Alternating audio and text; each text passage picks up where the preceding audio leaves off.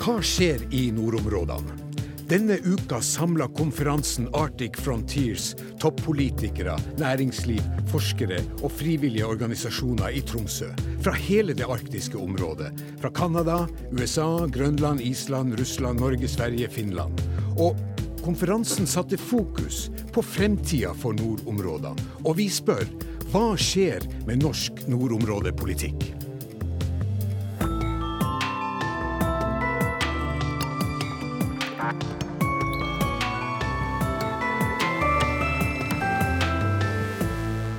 Den moderne nordområdepolitikken starta med Thorvald Stoltenberg, som tidlig på 90-tallet la grunnlaget for Barentsregionen. Men det var i 2005 nordområdene ble erklært som førsteprioritet i norsk eh, utenrikspolitikk, da Jonas Gahr Støre tiltrådte som utenriksminister i Jens Stoltenbergs regjering. Dette fokuset ble videreført da Solberg-regjeringa tok over. Men nå hevder stadig flere kritikere at satsinga i nord fylles mer av ord enn av handling. Så hvor står vi, og hvor går vi i norsk nordområdepolitikk? For å debattere dette har vi med observatørene redaktør i High North News Arne O. Holm, statsviter, foredragsholder og spaltist Bente Aasjord, ordfører i Sør-Varanger Rune Rafaelsen og sametingsråd Silje Motka. Og først til deg, eh, Bente Aasjord. Du har vært tett på utviklinga i nord, og du er en av de kritiske røstene som mener at regjeringas høystemte ord om nordområdepolitikk ikke helt er i samsvar med virkeligheten. Nei, altså Det er jo helt åpenbart at uh, det trøkket som nordområdepolitikken hadde uh, fra 2005, særlig det har jo virkelig hva hva skal jeg si, er svekka. I 2005 så var til altså, de rød-grønne så var jo nordområdesatsinga det viktigste strategiske satsingsområdet for regjeringa. Så ble det det viktigste satsingsområdet i utenrikspolitikken. Og så videreførte jo høyresida eh, det når de kom til makta i, i, 2014. Men i dag så står vi jo der at eh, nordområdepolitikken er jo ikke et eget tema i noen regjeringsplattformer, heller ikke i den siste. Og det står under kommunal og modernisering. Og jeg tror at uh, sittende regjering i hvert fall de, har, de sliter sterkt med å utfase den, og de vet ikke helt hvordan de skal gjøre det. For på Kirkeneskonferansen i fjor så sa eh, utenriksminister Ine Marie Søreide at uh, neste kapittel i nordområdesatsinga er hav. Og det er, er ganske ullent, og jeg vet ikke helt uh, hva det er. Arne O. Holm, du er redaktør i nettstedet High North News. og har områdepolitikken mista fart og retning, slik Bente Aasjord uh, sier? Er du enig i det? Nyhetsavisen High North News, om jeg får be. Uh, den har endra retorikk. Uh, for den, det var veldig mye retorikk da nordområdepolitikken gikk fra å være en militær strategi til å bli en sivil uh, politikk under utenriksminister Jonas Gahr Støre. Um, så den har alltid vært uh, relativt verbal, mer enn den har vært en praktisk politikk. Uh, jeg tror faktisk at den viktigste endringa som har skjedd, og som nok gjør at man næringsmessig kan oppleve et mindre trøkk, det er at den har tatt et steg tilbake, og er på mange måter tilbake i sikkerhetspolitikken. Og det har jo med situasjonen utenfor Norges grenser å gjøre.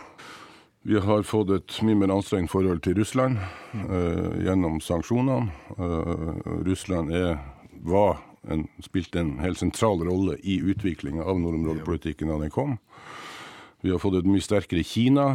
Altså Vi har fått en dreining internasjonalt som gjør at veldig mye av de finansielle initiativene de kommer fra, fra øst, fra Kina, med, med, med sjørute, med, med jernbane. Uh, Russland med Jamal, og så har du opprustning av styrkene der. Og så har du på den andre sida fått en, uh, en amerikansk utenrikspolitikk som er blitt veldig nasjonalistisk hvor USA, etter at de slapp formannskap i det som heter Arktisk råd, som på en måte er det som binder dette sammen internasjonalt, har vendt blikket bort fra Arktis Og i denne rollen her så har Norge vært nødt til å ta en, en mye mer sikkerhetspolitisk posisjon enn det de hadde før. Så, så kort fortalt så, så, så, handler det nok mer om en dreining enn en svekkelse.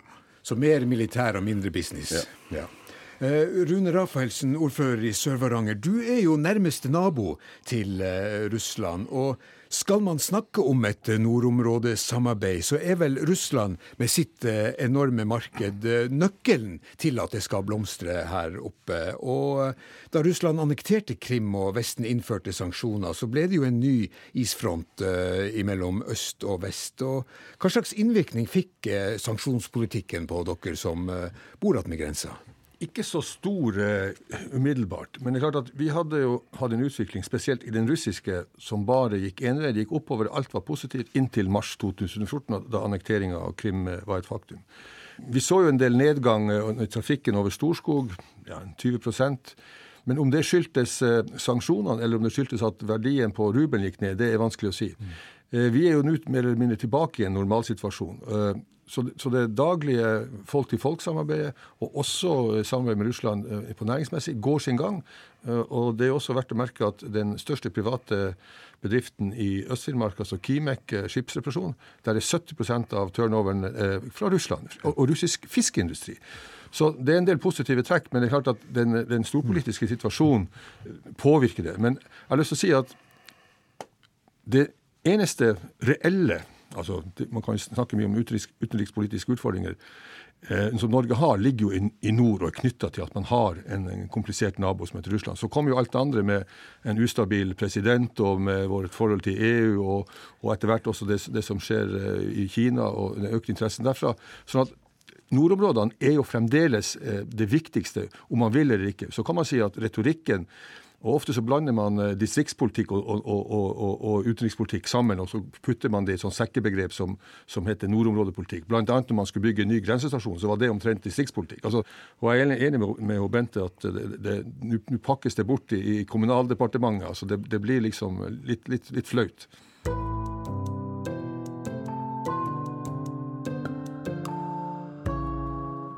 Ja, Vi skal høre mer om denne forvirringa i regjeringskontorene om hva som er distriktspolitikk og hva som er nordområdepolitikk. Og Silje Motka, du er sametingsråd, og det er mitt inntrykk at jo nærmere man kommer russegrensa, jo mer ønsker man å samarbeide med russerne. Og ser man det også slik fra Sametinget? Ja, eh, samene vi er jo ett folk som er uh, delt, hadde jeg nær sagt, i flere ulike nasjonalstater. Eh, og det er også samisk befolkning på russisk side av grensa. Eh, og det er klart at eh, det behovet som er der for å ha en eh, samhandling med, med våre holdt på å si, søstre og brødre på russisk side, det er stort. Men det er klart at det har vært en utvikling som, som man kan si de senere årene har, har blitt stadig mer komplisert. Det er en bekymring man har, og vi mener jo det at, at det er veldig viktig å og sikre at man fortsatt har gode relasjoner. Og det gjelder jo selvfølgelig det her folk-til-folk-arbeidet som er så sentralt. Men, eh, men, eh, også næringslivet i nord er jo avhengig av eller har jo behov for tilgang til eh, det markedet som Russland representerer. Og bl.a. fiskerimarkedene er jo en sånn type markedstilgang som betyr mye for landsdelen og videre utvikling her. Men før vi går videre, så har jeg på forhånd gjort intervjuer med næringsminister Torbjørn Røe Isaksen og Arbeiderpartiets leder og tidligere utenriksminister Jonas Gahr Støre. Det var Støre som i 2005 erklærte nordområdene som førsteprioritet i norsk utenrikspolitikk. Han har de siste årene kritisert regjeringa Solberg for passivitet i nordområdepolitikken, og jeg spurte Støre hva han mener om den nye firepartiregjeringens nordområdepolitikk, slik den er nedfelt i regjeringserklæringa. Jeg syns at det har vært en ganske defensiv, lite viljesterk politikk for å føre nordområdepolitikken videre. Nå har den internasjonale situasjonen blitt mer krevende pga. Krim og øh, sanksjoner mot Russland. Øh, men jeg etterlyser jo mer konkret politikk i nord. Hva konkret er det du etterlyser? For jeg har jo sett Du har i løpet av de siste årene kommet med dette budskapet om at Erna Solberg er passiv i nordområdepolitikken. Ja, For det første så er det jo litt måten vi snakker om det på. Jeg mener at nordområdepolitikken er et nasjonalt løft for Norge i nord to nivåer. Eh, det ene er utenrikspolitikken i forhold til Russland. Krevende pga. sanksjoner og et spent internasjonalt bilde. Men Norge kunne gjort mer i naboskapspolitikken. Nå viderefører vi samarbeid på de områdene vi må. Men det er lite initiativ for å komme videre, og det er nesten ikke noe politisk dialog. Det kunne vi hatt. Og så er det på det konkrete i innenrikspolitikken, eh, hvor jeg mener man må ha større ambisjoner i mineralpolitikken. Eh, i eh, utbyggingen av infrastruktur, eh, den fornybare energiressursene som finnes i nord, og selvfølgelig alt som er knyttet til havet, hvor, hvor nordområdene har helt unike muligheter. Støre, du nevner forholdet til Russland. Men er det ikke da på tide å lytte til Willoch, som nylig har tatt til orde for at sanksjonene må oppheves? Norge har vært eh, i nabo med Russland i 1000 år, har vært fred med dem i 1000 år. Eh, og vi har hatt eh, et naboskap som har gått i bølger. Og når det drar seg til, sjelden pga. forholdet mellom Norge og Russland, men noe som skjer geopolitisk, så påvirker det forholdet mellom Norge og Russland og det grensenære. Jeg er opptatt av at Norge skal opptre her sammen med våre allierte og partnere. Det er viktig i sikkerhetspolitikken. Eh, og sanksjonspolitikken må diskuteres der. Der er jeg mot at Norge skal gjøre ensidige ting. Men, ja, men, har som, har, men, har ikke vi som nabostat en eh, egen interesse å, å, utvikle vårt naboskapsforhold til Russland? Jo, det har vi. Og det er det jeg sier at det er i grunnen høyre- og venstrehånden på piano, hvis du sier. Altså det er, en, det er to litt ulike melodier vi skal spille. Det ene er å være sammen med våre allierte og partnere som et lite eh, naboland ved siden av Russland i den store geopolitikken. Det trenger Norge, det er viktig for vår sikkerhet.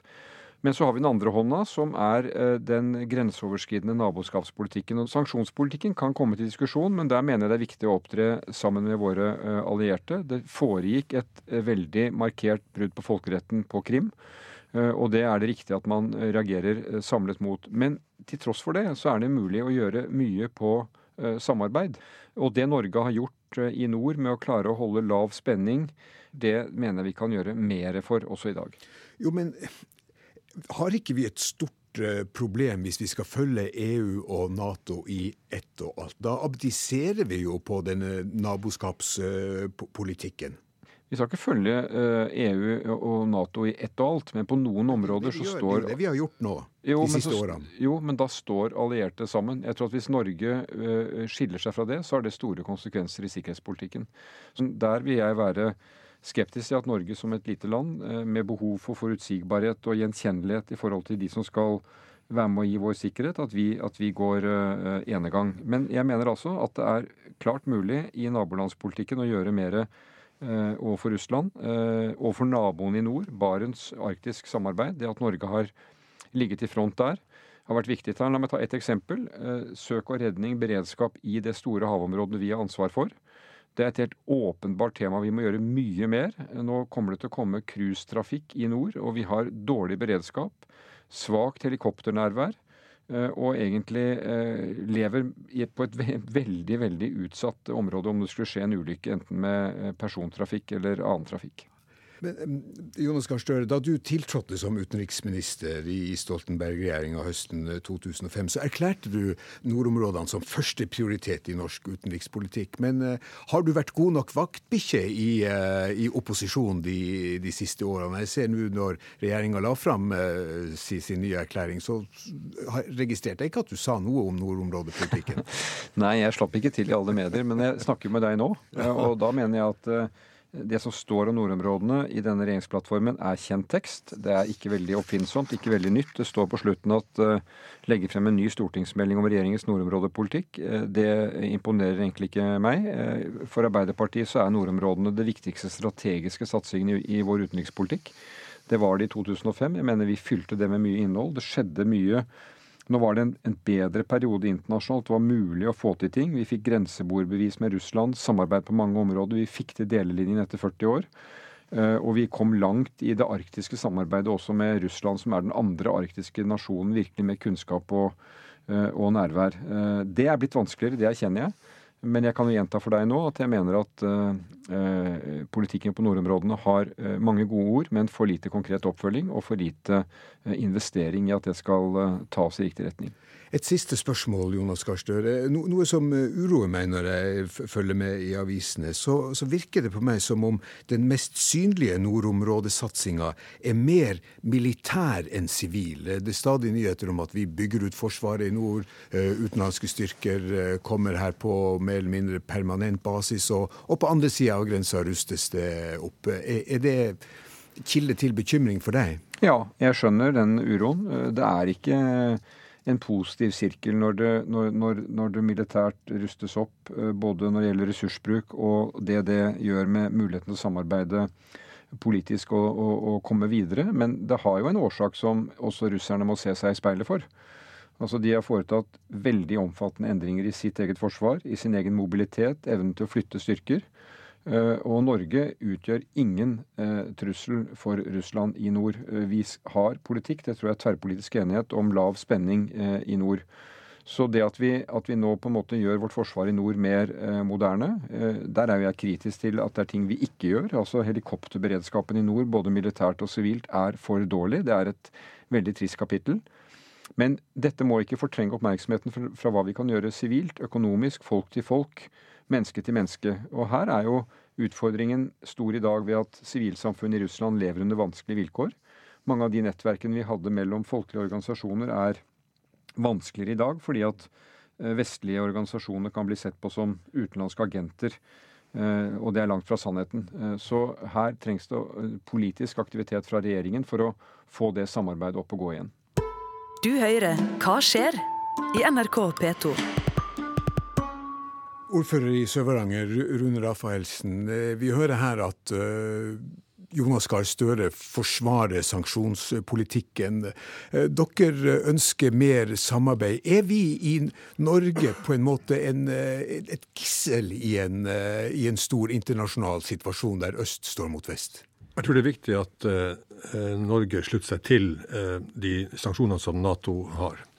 Uh, Eh, det at jeg kan agere som ordfører i Sør-Varanger og ha et utstrakt samarbeid mm. f.eks. med ordføreren i Sevromorsk, altså den eh, russiske nordflåtens hovedbase, er jo fordi at vi har et sterkt Nato. Men når det gjelder EU-sanksjonene på det økonomiske området, så mener jeg at vi kan, kan gjøre noe, for vi ikke er medlem. Da, da, har vi muligheten. Og spesielt mener jeg vi bør ta opp eh, med russerne det her med eksport av norsk fisk. Jeg tror det er fullt mulig også å få det her til, men det krever en, en, en annen type innsats. Eh, og det er også verdt å merke seg at jeg tror Ine Sørid Eriksen er den eneste første utenriksminister som ennå ikke har vært i Russland og hatt dialog. Hun har riktignok møtt Lavrov i, i, i Milano, men, men, det sier noe om, om tyngdepunktet i norsk utenrikspolitikk at man ikke prioriterer her sterkt nok. Eh, men, men som, som, som, sagt at eh, det er veldig viktig for oss som jobber med Russland eh, daglig, at vi har en, en, fast og sikker forankring i Nato, sånn som jeg ser det. Gjør, det gjør iallfall meg en, en helt egen trygghet. Så der, der, er jeg enig. Men det er fullt mulig å få til eh, mer. En annen ting som, som, eh, er faktisk eh, reelt, reelt, er at altså midler som går til denne type samarbeid, er redusert. Så, så, så, så man har en vei å gå også på det området. Eh, Arne Holm, eh, redaktør i nyhetsavisen High North News. Du ba om ordet. Hvis vi skal ta det Jonas Gahr Støre sier her, litt sånn punkt for punkt. så På sanksjoner så oppfatter jeg at det er helt marginale forskjeller. Altså Det er akkurat det samme internasjonale perspektivet og, og rettsprinsippet som ligger til grunn hos Jonas Gahr Støre og hos den regjeringa som sitter nå. Altså det, For alle praktiske formål ingen forskjell. Nyanser i retorikken.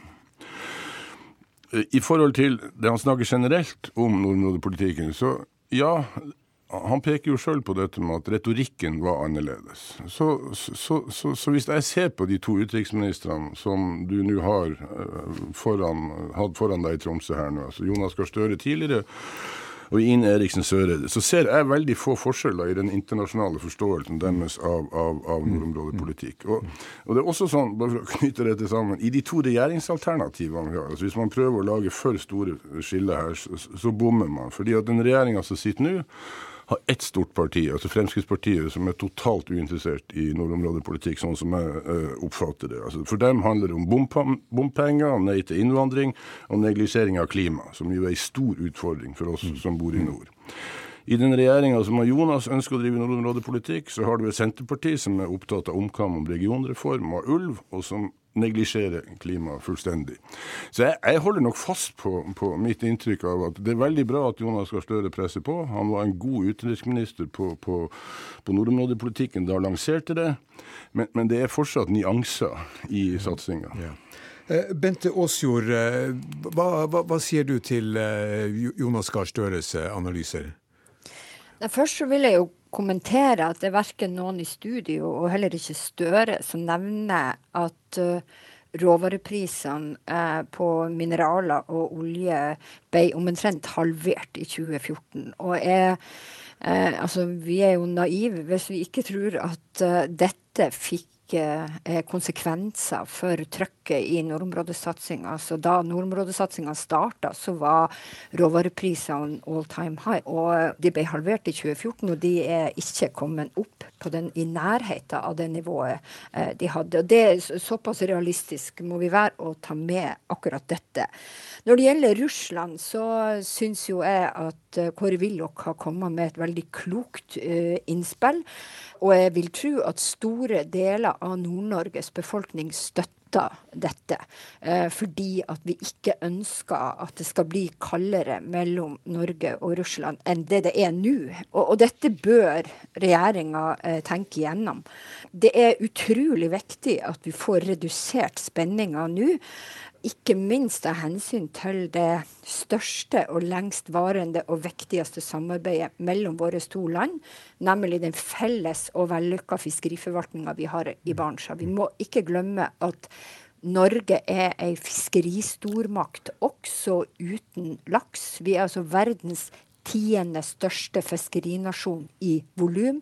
Og mesteparten av den fisken som vi har, er knytta til økosystemet i Barentshavet, og det forvalter vi sammen med Barentshavet. Ja, det her står e, e, enormt mye på spill, fordi at uh, det samarbeidet vi har med russerne, er alfa og omega for å videreføre dette. Og jeg er redd for at det klimaet som er nå, kan skade det. det er, vi lever i en verden der det er mye som er i spill. Eh, det er mye som Så de sikkerhetspolitiske utfordringene eh, eh, truer et veletablert fiskerisamarbeid, mener du altså? Ja, altså, og ikke bare det, men altså, det er ganske harde fronter ja. eh, som vokser fram både i Europa og i USA og mellom ulike land. Og vi ser at uh, handelsavtaler uh, går i stå. Straffetoll og ditt og datt. Og uh, jeg er redd for at det fiskerisamarbeidet Norge og Russland har, som er kjempeviktig for våre to land, skal ryke. Ja. og det bør ikke skje. Eh, Rune Rafaelsen, du ville ha ordet. Ja, på tross av at uh, du har fått nedgang på råvareprisene, så er det det som øker mest nå.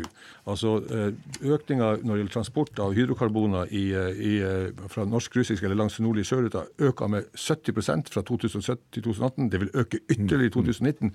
Så, så, så det her er helt nye ting. Samtidig er det også helt nye utvikling når det gjelder turisme i nordområdene. Så det er en del veldig positive. Pluss at, at den resonansen som, som ble skapt gjennom Barentssamarbeidet samarbeidet gjorde det mulig å få til en delelinjeavtale i, i, i Barentshavet. Og det vil vi aldri ha fått til i dag. sånn at jeg frykter ikke, men da må man uh, ha en dialog. Så, og, og, at fiskerisamarbeidet med Russland er svært viktig. Men den folkelige og den, og den resonansen som ble skapt gjennom Barentssamarbeidet, er det som kan danne grunnlag for en videre dialog. Det er vel sånn at Lavrov kommer til Kirkenes nå om kort tid, er det ikke det? For å møte den norske regjeringa? Ja, han kommer. Og, og, jeg var jo så, så uforsiktig at jeg sa at regjeringa burde vurdere å invitere Putin, og gjerne ta med seg Lavrov. Uh, ser ikke ut som det skjer. Men, men Lavrov har jo, har jo vært jeg tror, tre eller fire ganger i Kirkenes, så, for russisk side er de interessert. Og jeg tror at eh, man må bruke jubileet til å se fremover. Vi snakker da om eh, 75-årsjubileet for eh, den russiske, eller Sovjetunionens frigjøring av eh, Sør-Varanger eh, i oktober 1944.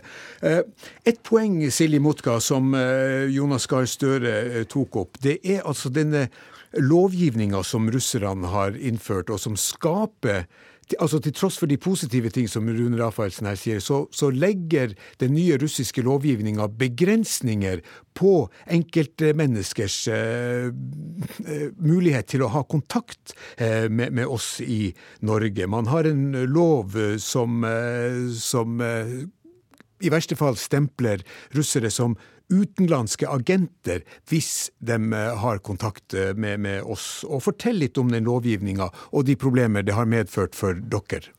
Ja, eh, det er jo en eh, russisk lovgivning som har medført at rundt, eh, et sted rundt 150 organisasjoner de er da stempla etter denne såkalte fremmedagentloven.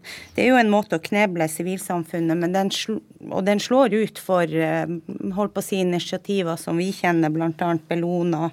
Og Amnesty har jo også uh, møtt på det her, men, uh, men også vi urfolk. Og det er også de urfolksorganiseringene som finnes på russisk side har jo erfaringer med hvordan den der type lovgivning slår ut. Og det gjør eh, det praktiske og faktiske samarbeidet veldig krevende. Og, og, eh, og, jeg vil jo også uttrykke at også arbeid som tidligere har foregått i regi av Barentssamarbeidet, urfolks eh, samarbeidet har jo vært prega av litt uro eh, den senere tida, og det er også sånne type utviklingstrekk som, som, man må være oppmerksom på.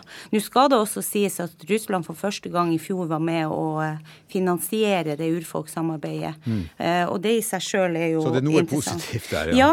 Men så har jeg lyst til å si noe generelt om denne nordområdepolitikken, og det går jo på det her bildet om en sånn ressursutviklingsstrategi, da. Jeg kommer jo fra Katowice i Polen rett før yeah.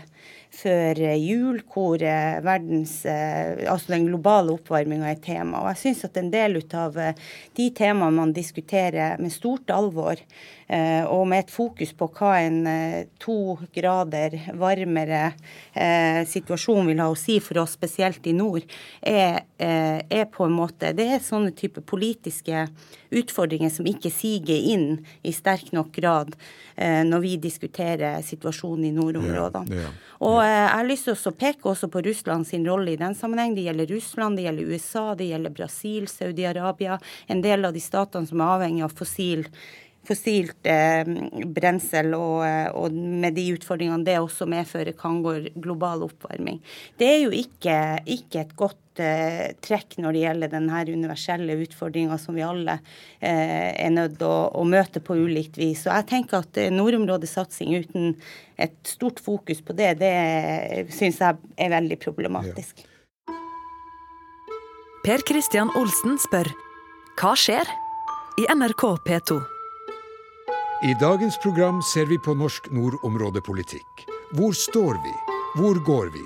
I studio, redaktør i nyhetsavisen High North News, Arne Oholm. Ordfører i Sør-Varanger, Rune Rafaelsen. Statsviter, spaltist og foredragsholder, Bente Aasjord. Og sametingsråd, Silje Motka. Vi skal oppholde oss en, en liten stund til bare med, med, sanksjonspolitikken. Næringsminister Torbjørn Røe Isaksen eh, han måtte også ut på reise og kunne ikke være til stede her. Men eh, vi husker at i 2013 så var Russland Norges største eksportmarked for fisk. Det ble borte over natta. Og jeg spurte Røe Isaksen aller først om han som næringsminister er bekymra over at sanksjonene overfor Russland fortsetter. Eh, altså det, det, det, bekymrer meg på den måten at uh, Russland ikke har, uh, ikke har, grunnleggende sett endret politikk. Og så er det jo sånn at er, vi er helt avhengig av å ha med bakteppet for å, for å skjønne dette. Fordi den viktigste garantien for Norges sikkerhet gjennom hele etterkrigstiden har vært Nato-medlemskapet vårt. Hva betyr det? Jo, det betyr at vi står sammen med våre Nato-allierte om de store, viktige tingene i eh, sikkerhetspolitikken, og vi gjensidig garanterer for hverandres beskyttelse. Og så er det sånn at da Russland eh, for første gang, faktisk, siden, eh, siden krigen, foretok en folkerettsstridig invasjon, eh, annekterte en del av et annet land, så sa Nato felles at eh, vi innfører sanksjoner. Eh, og, det er, egentlig en selvfølge at Norge også står på. Men vi jobber jo da hardt for å sørge for at uh, norsk sjømat får tilgang til andre store markeder. Nå har vi nylig f.eks. undertegnet frihandelsavtalen med både Filippinene og Indonesia. Store land, 300 millioner mennesker i Indonesia som har en raskt voksen middelklasse, stor appetitt på sjømat. Så det er ikke noe tvil om at Norge klarer å både ha Vi har jo en kraftig vekst i sjømatnæringen. Kraftig vekst i lønnsomheten, flere ansatte. Så vi, vi, klarer både å gjøre det som er riktig sikkerhetspolitisk, og samtidig passe på arbeidsplassene våre og veksten i en viktig bransje. Jeg spør eh, også fordi at eh, du i fjor sammen med tidligere statsminister Kåre Willoch ga ut boka 'Alt med måte', en, en politisk samtalebok. Og, og Willoch eh, sier jo nå, gir jo regjeringen det råd at sanksjoner overfor Russland bør oppheves. Du sitter i regjeringa. Hvorfor vil dere ikke følge Willochs råd? Nei, Det er av akkurat den grunnen jeg sa.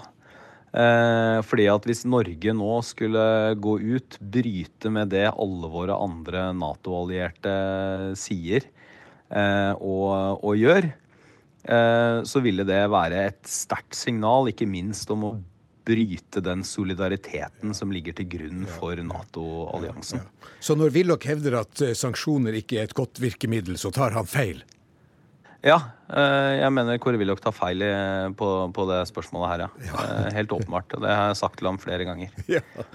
Hvis vi skal se på de viktigste næringspolitiske utfordringene i regjeringens eh, nordområdepolitikk, hva er det vi står overfor da?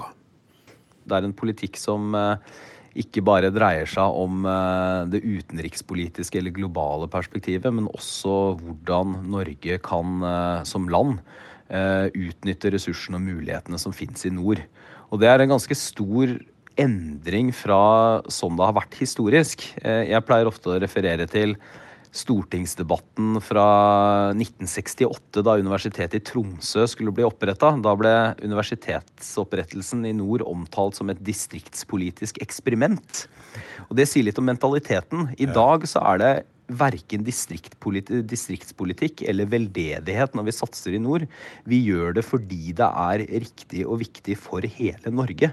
Vi gjør det fordi så mange av eh, ressursene, verdiene, nye næringsmulighetene, men også for øvrig klimautfordringene og en del av de sikkerhetspolitiske utfordringene, samles nettopp i våre tre nordligste fylker. Hva ser du på som eh, de viktigste satsingsområder i nord? Eh, jeg, jeg, tror jo det å Jeg kan nevne noe som vi holder spesielt på med i Nærings- og fiskeridepartementet. Sjømat er allerede nevnt. Det er viktig. Eh, jeg er opptatt av også at vi utnytter mineralressursene våre. Både de vi har til lands og de vi har eh, under havbunnen. Det jo, har jo vært en tendens til å se på mineralnæringa som, som en sånn liksom gammeldags og forurensende næring. Men, vi, men dette er jo mineralene vi trenger for å f.eks. kunne gjennomføre et grønt skifte. Eh, helt sentrale mineraler eh, eh som, har, har in, som, også har store forekomster av i nord, viktige for f.eks. vindmøller eller elbiler. Så mineralressurser er en viktig del av det. Energiressurser, olje og gass er selvfølgelig viktig. Men også satse på den store kompetansen og forskningsmiljøene som har bygd seg opp i nord. Eh, og så er det jo selvfølgelig masse bransjer i nord som er eh, som, som, du har i hele landet, altså hvor det f.eks. Eh, stor, stor bygg og anlegg, f.eks. Mange som driver med handel og service. Turisme har jo hatt en voldsom vekst, og man har fått helårsturisme på en helt annen måte enn tidligere. Og alt det er også viktig for å satse på eh, nordområdene. Du nevner mineralnæringa. Nå er jo nyoppstarten av Nussir i Kvalsund i, Finnmark et veldig kontroversielt tema i, eh, i, i, Finnmark. Det ble lovt en avklaring før jul om de skulle få endelig konsesjon. Kan du komme med en nyhet her? Om de får konsesjon eller ikke? Jeg jeg kan ikke komme med en nyhet. Jeg, jeg tror eh, vi har ikke fra, Det er jo vi som sitter med denne saken, ja. så vi har ikke lovt en avklaring før jul. Eh, men vi har sagt at vi jobber så raskt som mulig med den saken. Eh, men det er helt riktig. Det er en sak hvor det er eh, viktige interesser som skal veies mot hverandre. Og vi jobber med den for fullt nå. Og har også konsultasjonsrunder med Sametinget. som vi, som vi må ha, og som er riktig å ha. Og så kommer det en beslutning så fort vi kan, rett og slett. Du hører Hva skjer? i NRK P2. Det var eh, næringsminister Torbjørn Røe Isaksen. Og til orientering så var det Røe Isaksens egen statssekretær Magnus Thue som i fjor høst sa her i Hva skjer at Nussir-saken ville bli lagt fram før jul, så, så da, da, venter vi ennå. Men kanskje først til deg, eh, Silje Motka. Næringsministeren sa at han er i dialog med dere i Sametinget om den uh, omstridte mineralutvinninga i Finnmark. Og bakteppet for det her er jo at EU med bekymring har slått fast at Europa ikke er selvforsynt med de 23 viktigste mineralene, og ser både et industrielt og et sikkerhetsmessig problem med dette underskuddet i Europa. Og EU har derfor oppfordra alle europeiske land til å speede speede opp utvinninga, og jeg har registrert at mange i Finnmark er redd for at regjeringa vil ta større hensyn til EU enn til reindrifta som konkurrerer om mange av de samme områdene som er attraktive for gruvedrifta. Er det en begrunna eller ubegrunna frykt? Ja, eh, jeg har lyst til å si at det er et stort press eh, hva angår eh, det her å få utvinnet de mineralressursene man har brukt masse penger på å kartlegge. Og det her presset det, det forklares jo med at det er et grønt skifte man har behov for å gjennomføre. Sånne grønne skifter de kan jo ikke ta form av å være en type grønn kolonisering eller en ny måte å rettferdiggjøre det å presse urfolk som er marginalisert og som som allerede er de som er mest utsatt når, når både naturkatastrofer inntreffer, men også sånne ressursutnyttingsstrategier iverksettes. Eh, og jeg har lyst til å eh, også si det at denne dialogen og konsultasjonene omkring det enkeltprosjektet NOSIR, eh, det er jo konsultasjoner. Det stemmer at vi er i gang med dem, og vi kommer til å eh, gjennomføre de så, så ryddig og godt som vi kan fra Sametingets side. Men ja. eh, jeg har lyst til å peke på at nå har Norge svart i internasjonale fora, i FN-fora, om eh, den eh, manglende folkerettslige forankringa i dagens minerallov ved åtte ulike tilfeller de siste år, åtte årene. Eh, og Norsk bergindustri de har også tatt til orde for å få på plass en folkerettslig akseptabel lov. Eh, og nå har også et offentlig oppnevnt utvalg, det såkalte Nordtveit-utvalget, de har altså kommet ut med en, eh, med en anbefaling om å ta tak i de her perspektivene. Så presset forstår. Eh, Rune Rafaelsen, du ba om ordet. Ja, eh, Røe Isaksen nevnte, en, nevnte en, ikke én ting, nemlig transportlogistikk i nordområdene. Ja. Det er helt nye drivere nå som er kommet inn. Eh, I 2013 så lanserte Xi Jinping, altså presidenten i eh, Kina, altså det One Belt, One Road. Eh, og der har man også nå ute eh, Jeg må avbryte deg. for One belt, one road, det er et uh, nytt begrep i verden som vi kanskje får introdusere. Det er kanskje mange i Norge som ikke kjenner one belt, one road-konseptet. Kan du for, Forklare litt av hva dette er? Ja, Kina ønsker mer internasjonal handel. og Da har de lagd et, et, et, infrastrukturprogram som omfatter hele verden. Og det er spesielt selvfølgelig i, i Asia og, og, også mot Afrika og det indiske hav. Men i, i 2018 januar så lanserte man en kinesisk arktisk eh, strategi hvor man snakka om en polar Silk Road, eller en Arctic Silk Road. Og det er Nordøstpassasjen? Det er Nordøstpassasjen. Og eh, som jeg nevnte tidligere, så øker godsmengden eh, eh, i, stor grad. Og Kina bygger nå eh, båter. Det bygger stadig båter som skal gå. man har nå i gang med, med det tredje LNG-anlegget på, på Jamal, og man skal bygge tre til. Så det blir en enorm trafikk. Og Her har Norge en mulighet for å bli en hub, en logistikk, men det forutsetter at man går i gang og bygger en jernbane mellom Kirkenes og Rovaniemi. Ja. Og Hvis man ikke gjør det, ja, så blir Norge forbiseilt. og det vil si at Da er det alternativet det er Bremerhaven, det er Sebrygge, det er Hamburg. Ham, det er alternativet. Så at, at, infrastruktur og logistikk eh, kommer til å bli veldig viktig i, i fremtida i, i det arktiske området. Bare for å gjøre det klart, så Ditt krav eller, og, og, din insistering på en jernbane fra Rovaniemi til Kirkenes de siste årene, der ligger altså denne One Belt, One Road, den arktiske silkeveien til kineserne, til, til grunn for den tenkninga? Ja, de har allerede den inne på kartet. Og det har også, hvis du leser sånn som uh, The Economist, man ser på muligheten. Men hvis ikke Norge tar det her initiativet Finland har jo pressa på for Norge, og Norge har jo motvillig uh, liksom, blitt med på det arbeidet med en jernbanerøsning i, i, mellom Rovaniemi og Kirkenes. Men det her her er altså de store aktørene som nå kommer. Og vi snakker om enorme mengder også på sikt med containere. I dag så er Norges viktigste containerhavn Gøteborg. Eh, handler ca. 1 million. Men vi, vi, snakker da altså om langt større mengder. Og der er arktisk. Dvs. Si at du kan korte ned eh, seilingstida fra, fra, i, gjennom den nordlige sjørute med ca. 40-50 eh, i, i forhold til Suez. Så det her kommer. Arne Holm, du Amore. Ja, eh, litt følge opp av Rune. For det skal egentlig godt gjøres å, å, finne ting når du ber en politiker Du spør en næringsminister hva er viktigst, og så får du altså ei rekke som gjør at alt er like viktig. Og så finner Rune likevel en ting han har glemt. Men likevel er det én ting til eh, Røe Isaksen helt åpenbart glemmer eller ikke snakker om. og det tror jeg er noe av den største utfordringa både nordområdepolitikken og, og, vi som bor der, står overfor. Det er nemlig befolkningsutviklinga. Mm.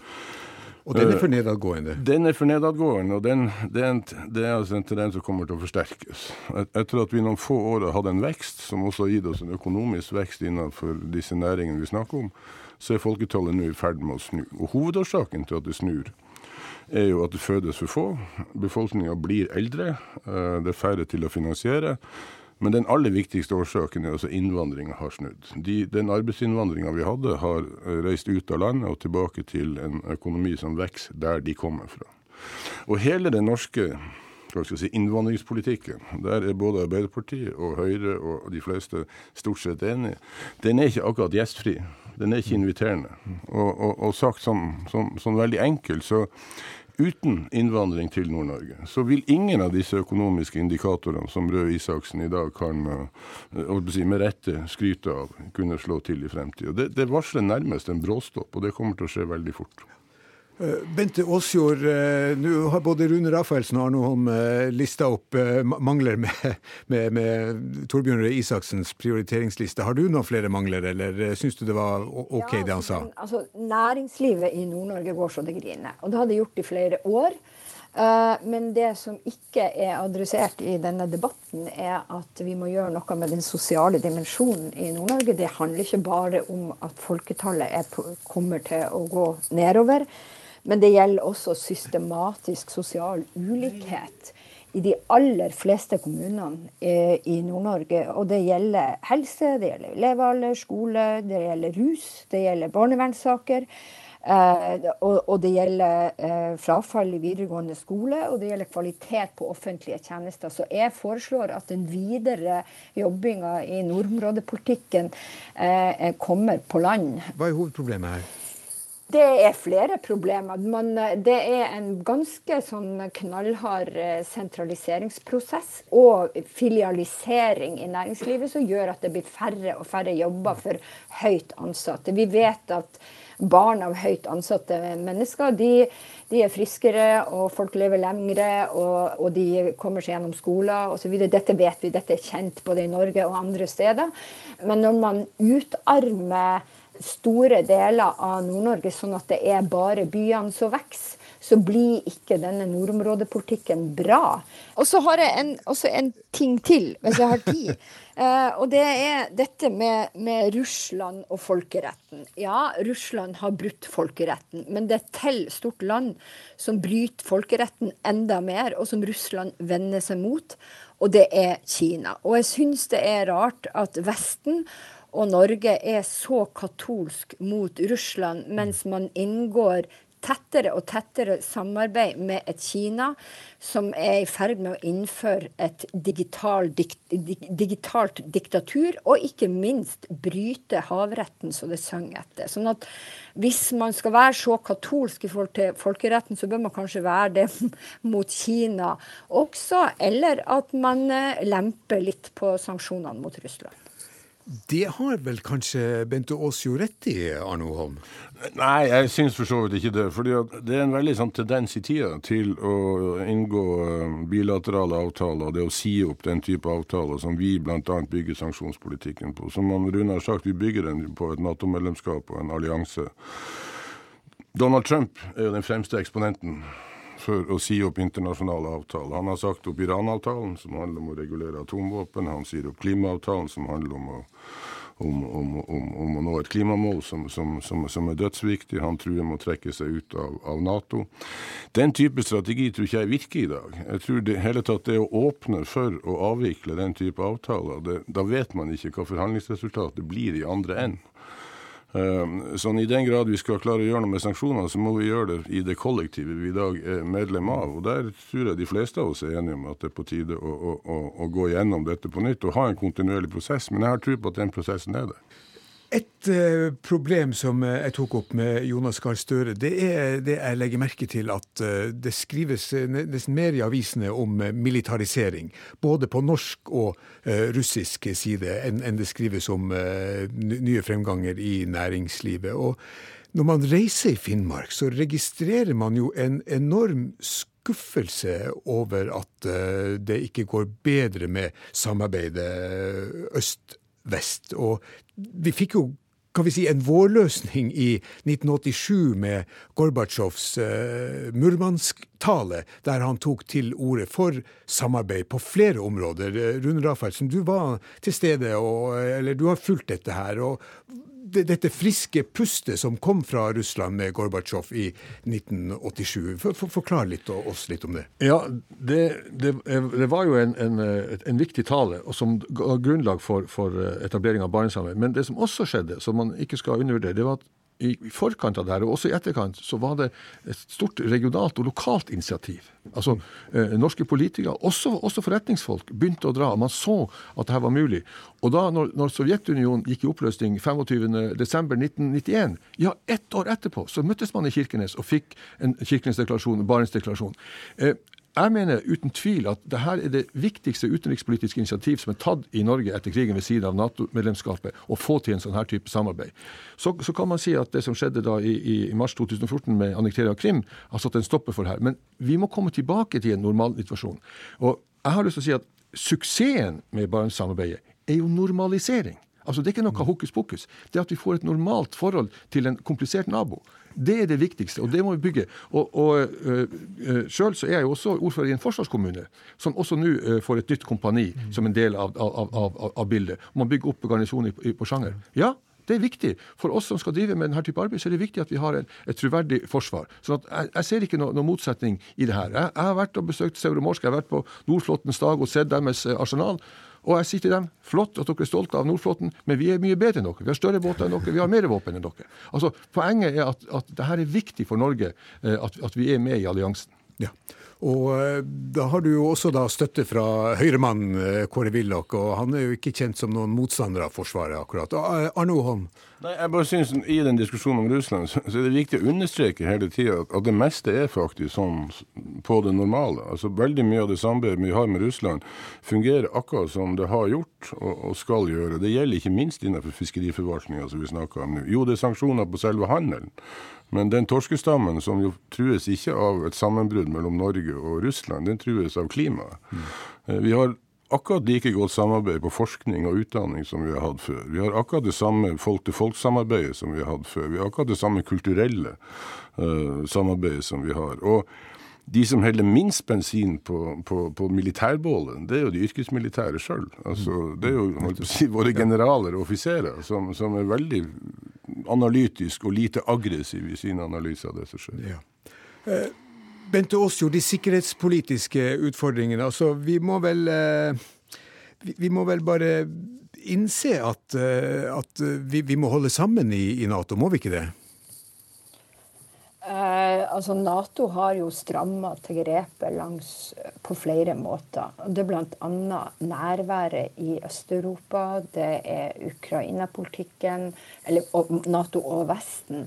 Eh, og, eh, og den satellittsaken i Barentshavet er jo akkurat ikke heller noe som på en måte bedrer tilliten mellom eh, Norge og Russland. Og også den nye basepolitikken er jo også høyst debattert i Norge. sånn at Man flytter jo eh, noen steiner. og under den kalde krigen så hadde jo Norge en annen politikk enn det øvrige Nato pga. at man ønsker eh, å ivareta naboskapet. Men det mange opplever, er jo at nå skal man kopiere det Nato gjør, og man skal ikke ha en selvstendig forsvarspolitikk eh, over, eller sikkerhetspolitikk overfor Russland, slik man hadde før. Denne debatten den går jo i faglige miljøer, og den går eh, på Stortinget. Uh, og eh, jeg liker ikke at uh, forholdet mellom Norge og Russland er såpass anstrengt uh, som det er nå. Og når det gjelder fiskeeksport, som Holm omtaler som, som vi mista, ja. Russland var det største enkeltlandet, det viktigste enkeltlandet Norge eksporterte fisk til. Så det er jo ikke noe lite, det. Og det er jo en av grunnene til at vi må vende oss mot Kina. Det jeg også er bekymra over, er at eh, den harde linja fra Vesten og Nato har jo gjort at Russland vender seg mer og mer bort fra Vesten og til Kina. Og det er jo ikke sikkert det er så veldig bra for eh, Vesten.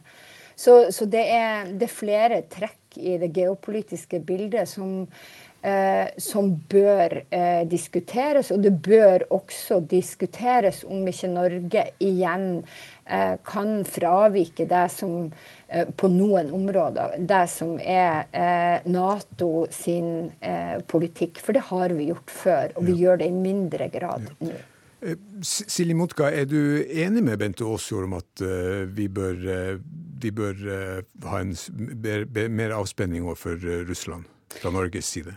Ja, altså Jeg er jo opptatt av at man, eh, man er nødt til å eh, holde på å si, ha en aktiv russlandspolitikk. Det er klart at det sikkerhetspolitiske aspektet er viktig, men en del av de universelle og globale problemene vi står overfor, er, er jo problemstillinger vi ikke kommer unna uh, å løse sammen. Og en en av de tingene det går jo på den klimapolitikken som føres, og også det som lenge har vært uh, Som også har vært fokus på hele min oppvekst. Er jo, holdt på å si, Jeg har jo gått mine barnesko i Kirkenes, jeg har også lekt på russemonumentet, og, og kjenner til den enorme takknemligheten som var eh, knytta til den frigjøringa som man opplevde av også på gymnaset under holdt på å si, den perioden da glasnost og perestrojka eh, var mest populært, kan man si. Jeg husker også det pustet, den lettelsens pustet når folk endelig traff hverandre igjen. Eh, at man fikk markedssalg eh, av russiske gjenstander på torget. Det ble liksom liv i Øst-Finnmark på en ny måte. og Det var, et, det var en fin ting å ha med seg. Men jeg tenker nå at, at, det er viktig at miljøet prioriteres, og da er jo denne innsatsen Norge gjør overfor opprusting av atomkraft gasskraftverkene på Kolaløya, det er jo en politikk jeg syns man må revidere. Man kan ikke være naiv når det gjelder de tingene. Og det gjelder også sånn som avskoging i, ja. i regnskogen i Brasil. Ja. Og da er vi eh, snart ved, ved veis ende i, i dag. Eh, men, men, før vi avslutter, eh, Rune Rafaelsen. Veien fremover. I, hvor går vi i nordområdepolitikken, slik det ser ut i dag? Jeg tror vi går lenger øst. fordi at det økonomiske og politiske tyngdepunkt det flytter seg dessverre fra vest mot Sørøst-Asia og India. Mm. Det vil si at vi må få gode avtaler, og da har vi det nordlige sjøut som én måte å ha god kontakt med. Sånn at det politiske tyngdepunktet flytter, og også det økonomiske økonomiske eh, eh, flyttes mot, mot Asia og, og, det indiske området. Så det er enda viktigere å bruke Arktis som en vei med kontakt med, med, med de her landene. Arno Holm, hvor, hvor, går vi i nordområdepolitikken? Jeg, jeg, deler det, og det var der jeg starta med å si. Vi har altså fått både finansiell og politisk uh, flytting av tyngdepunktet mot øst. Uh, det peker jo igjen på et av de store problemene her som vi ikke har snakka så mye om, nemlig USA i den arktiske politikken. Vi har vært veldig opptatt av, av Russland. Men hele denne hva skal si, denne fredelige sameksistensen, vi skal bruke en sånn, sånn klisjé, den henger jo på rasjonalitet hos de lederne. Den henger på at ledere over hele verden snakker sammen uh, og har et samarbeid. Og så henger den jo fremfor alt på at vi løser de klimamessige utfordringene som, uh, som ligger foran oss. Så der er jeg helt enig med Silje. Dette er noe av det viktigste vi må ta fatt på. Altså, alle disse fiskeressursene som vi snakker om er så viktige, vi risikerer at de forsvinner, at de flytter seg fra fra kysten vår hvis vi, ikke, hvis vi ikke gjør noe med det. Og så er det interessant politisk, hvis det er bare helt avslutningsvis. fordi at Arktisk råd er jo denne plassen hvor alle de arktiske nasjoner møtes. Og, og, og Sekretariatet ligger her vi sitter, i, i Tromsø. Vi, vi, holder det frem som en viktig organisasjon, og antagelig er det det. Finland har lederskap i dag. Om et halvt års knapt det, så går det over til Island. Island skal ha det i to år. Om to år så er det Russland som overtar det. Og det er jo ingen tvil om at Russland i dag ruster opp til å ta lederskap i Arktisk råd. Og det understreker bare hvor viktig samhandling og diskusjon er. Så det var et ditt råd til regjeringen. Eh, Bente Aasjord, eh, nordområdepolitikken fremover? Ja, det blir jo spennende uh, å se. Men det ene er utenrikspolitikken, og den er veldig viktig i nord. Og da må man tenke langsiktig. Og jeg mener man bør vektlegge uh, de poengene som, som, er, og mange med meg kommer med i forhold til uh, vårt forhold til Russland. Det andre er at vi må begynne å, å snakke om samfunnsutviklinga Eh, i nord, som flere statistikker viser, at vi er nødt til å ikke bare se på næring eh, og handel, men også på den sosiale dimensjonen. Ja. Det er kjempe, kjempeviktig. Vi må ta vare på menneskene. To ord til, til slutt, eh, Silje Motka. Eh, jeg er jo opptatt av det menneskelige aspektet, og ikke minst at de vedvarende interessentene vi har i i nord det er jo de som er, bebor dette området. Og Det betyr at all politikk, all tenking vi skal ha, det bør ta utgangspunkt i de, eh, de interessentene som har evigheter som perspektiv. Og Sånn sett syns jeg alle de her eh, de nasjonale politikk det bør ha en veldig tydelig forankring i nord. og Det er den oppgaven enhver regjering står overfor. Og med det er Hva skjer slutt for i dag. I studio, redaktør for nyhetsavisen High North News Arne Holm, ordfører i Sør-Varanger eh, Rune Rafaelsen, Bente Aasjord, statsviter, foredragsholder og spaltist, og sametingsråd Silje Motka.